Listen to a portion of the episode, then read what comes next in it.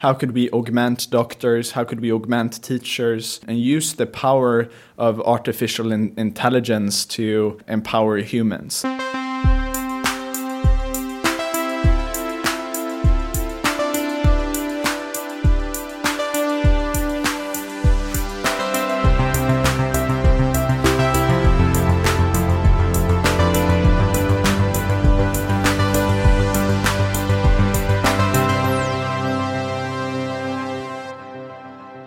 Welcome to Heja Framtiden, Swedish podcast on the future. We're broadcasting today from Epicenter in Stockholm at SIME 2018. And now I'm here with uh, Joel Hellermark from Sana Labs. Welcome, Joel. Thank you so much. What is Sana Labs for those who don't know? It's essentially AI as a service for education. Uh, so we provide machine learning uh, platform for the education industry so that they can easily make use and implement uh, machine learning and primarily to personalize educational content. So if you're a big publisher or education technology company that wants to recommend the optimal material for each student based on how they learn, what they've already mastered and their knowledge gaps, you can use our simple to use APIs um, to to achieve that. So we're essentially bringing the benefits of AI to education. But are you developing a software yourselves, or are you just providing the platform for other other uh, developers? So, so we sell. Um, you can see us as sort of Intel inside. Uh, we only provide the intelligence for for these education companies, where they develop the end products and and distribute it and develop the content uh, towards the end consumer, and we provide sort of the intelligence that personalizes that and makes it uh, adaptive to each student's needs. As you talked a bit earlier uh, in a panel about the obstacles that teachers have been facing uh, when it comes to individualizing uh, education. How has that looked in the past, and how will this change in the future? Yeah, this is a great question. So essentially, we see ourselves augmenting teachers and, and allowing them to focus more on the areas that matter. So, for example, historically, um, these online learning products have been very rich in data, but very poor in information. And using machine learning, we want to change that. So rather than providing the teachers with even more data to analyze, we can provide them with the key insights. So one example in, in, in some of the research we did looking at how teachers solve this currently is that they essentially use Excel and they would try to figure out did a student perform better or worse than the last exam, which were the areas that they were missing, and then give them material to study based on that. And that's clearly intractable if you have a, a, a class of 150 students ultimately. So what what we want to do there is to use machine learning to automatically figure out the knowledge gaps, figure out what are the what are the areas that the student should should practice on, and provide them with with the material that ne- they need, as well as the teachers with the with that insights. So one one example there is like identifying and addressing knowledge gaps. Another area which is really interesting uh, is um, for students that are learning new languages.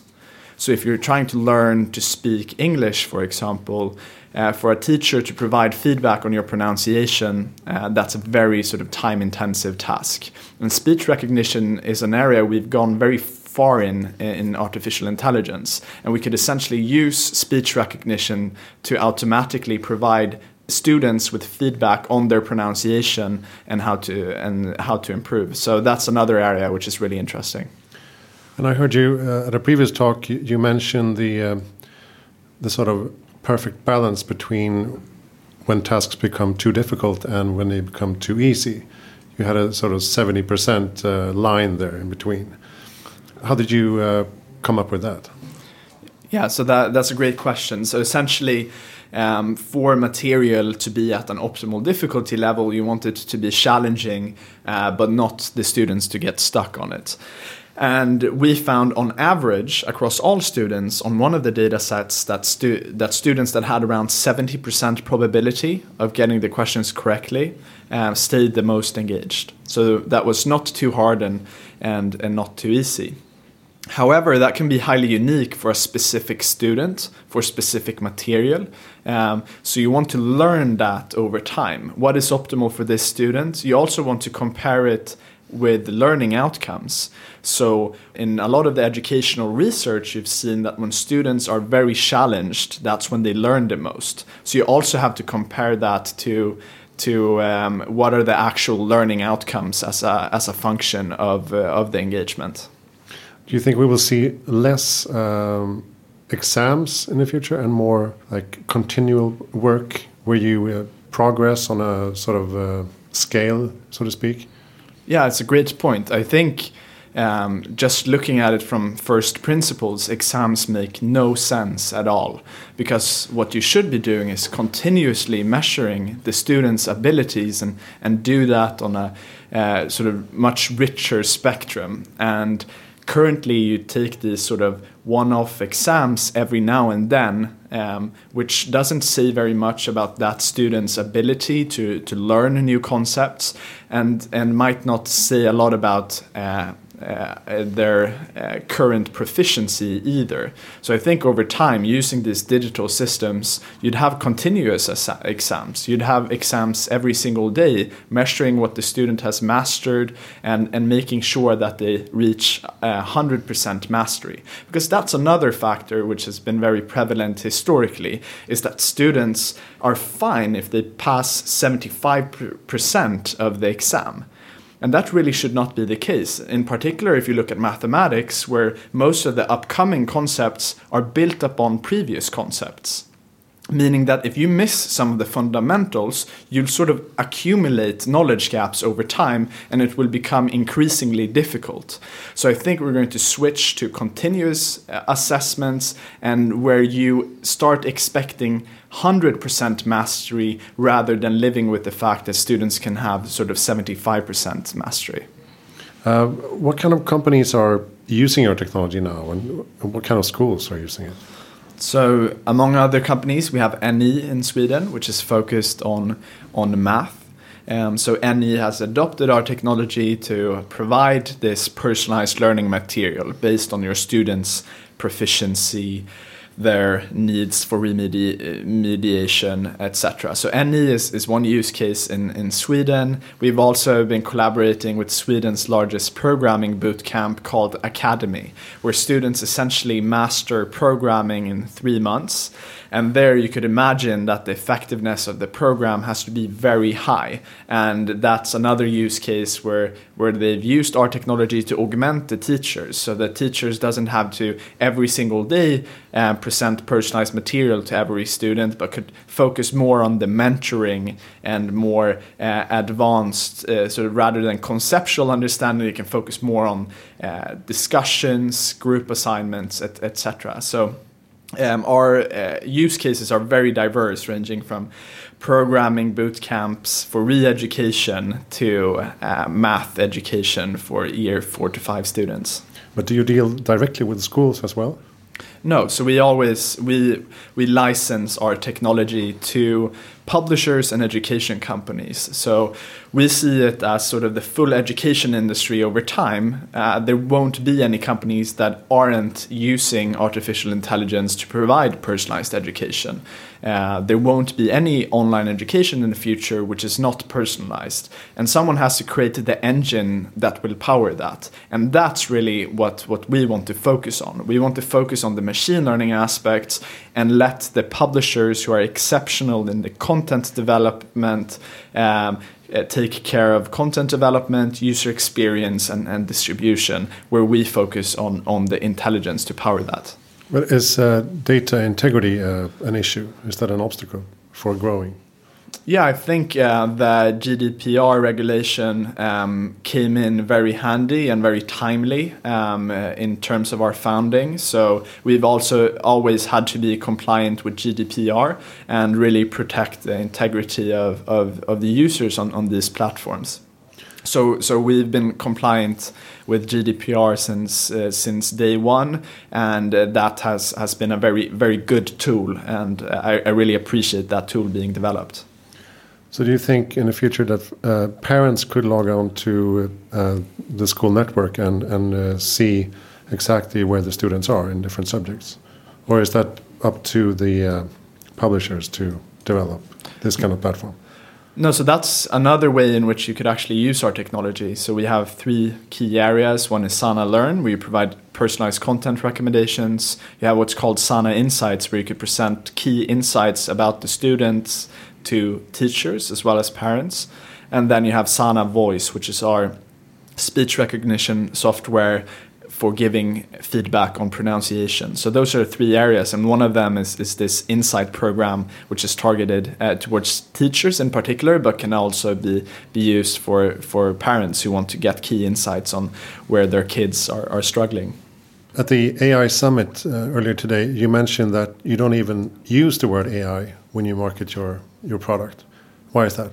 So I think in some cases we, of course, and uh, I think like one of our key taglines early on was AI for education. So we've been using it um, quite a bit in, in, some in some ways, but um, when it comes to uh, explaining this to to uh, to publishers and, and and education companies, I don't think necessarily that they're using using AI um, is, is, is that important because what they're really looking at is how can we improve learning outcomes for students? How can we help teachers?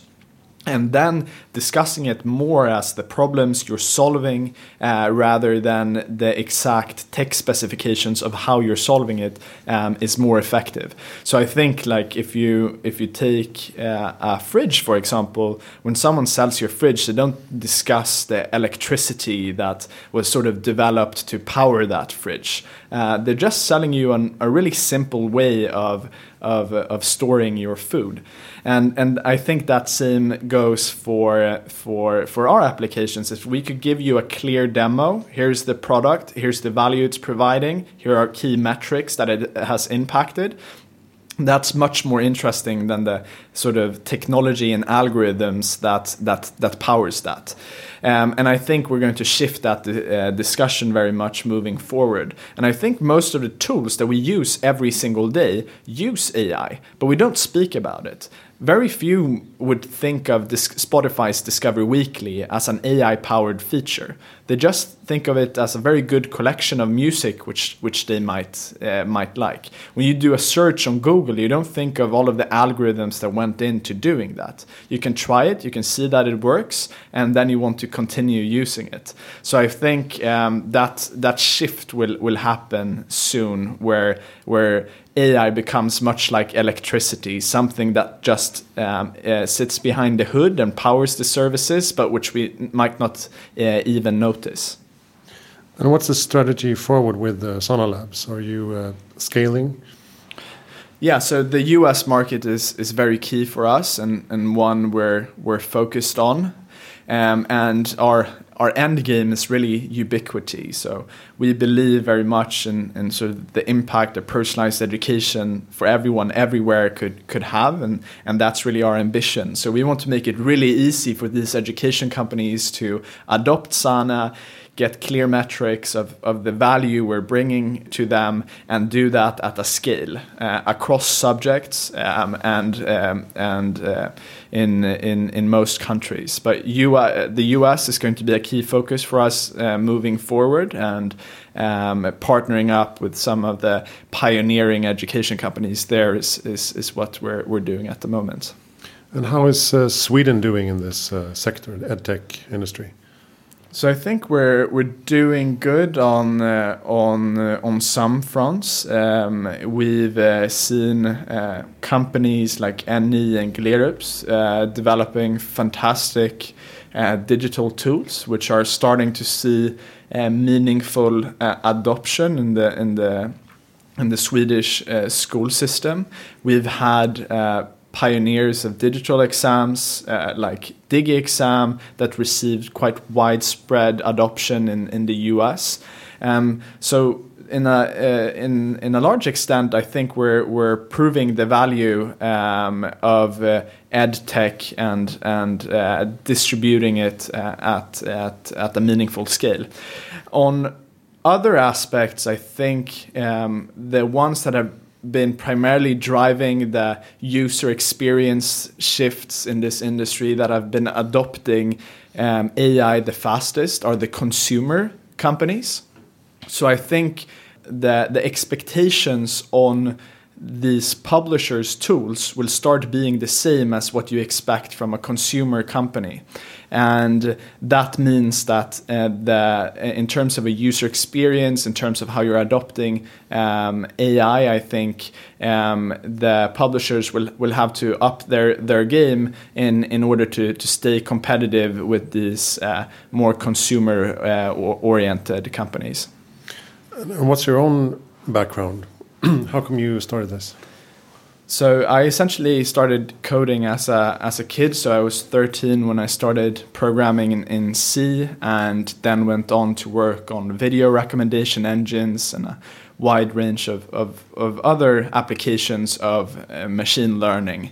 And then my final year in high school, I, I, set out to found Sana. So what I found really interesting was that I looked at it initially from a neuroscience perspective, and then I figured that we still know very little about how we learn.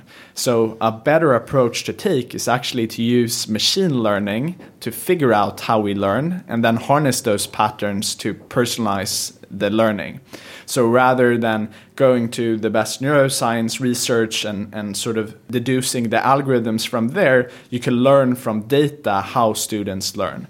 And that's the approach I, I set out to, to, to take. So um, apply machine learning to figure out human learning. Um, and I did that the final year in, in high school, um, built a, a fantastic team of, of researchers and engineers who joined us from Spotify, Google, and Imperial College. Um, and then went down out to raise our, our seed funding from some some great uh, investors, some of the early Spotify uh, team, um, Sophia Bendz, who's now a partner at Atomico, and a range of other investors to to sort of uh, execute on on on this uh, this vision and uh, now some some time later we're we're here. And uh, I think it's been very ex uh, exciting journey and also building more and more proof of, of the approach we've taken. So one proof was quite recently we won all categories in Duolingo's global AI competition. And, and that was really one of the testaments of that our approach is is is working. Um, it's being benchmarked it's being tested and, and we're publishing uh, openly uh, around how it works. Great. How old are you now? 22 Nice job. Thank you. so, so what do you look forward to in the future? How how will the future uh, get better from here? So I really uh, look forward to humans being augmented. So if you take the best uh, chess computer in the world, it beats the best uh, chess player. But if you take the best chess computer in the world and combine that with a human, that beats the best chess computer in the world. So human uh, plus machine is better than machine by itself. And I think that's what I'm really passionate about moving forward. How could we augment doctors? How could we augment teachers and use the power of artificial in intelligence to empower humans? And uh, I'm also passionate about how this can solve uh, some of the most meaningful problems in, in, in, society today. So, a lot of things like climate change, education, healthcare, it has these sort of combinatorial explosions, which makes it very hard for for human researchers to understand them. So I think in order for us to really understand these very complex areas, we need to be augmented uh, by artificial intelligence and, and its ability to, to learn from huge amounts of, of data. So I think human augmentation is an area I'm, I'm very passionate about. Great. Thank you so much, Joel Hellermark, for joining Heja Framtiden. Thank you so much. Um, you can check out sanalabs.com. Com. Yes, we got the domain. sanalabs.com. And um, let's hope that um, more students will uh, be augmented by your technology in the future.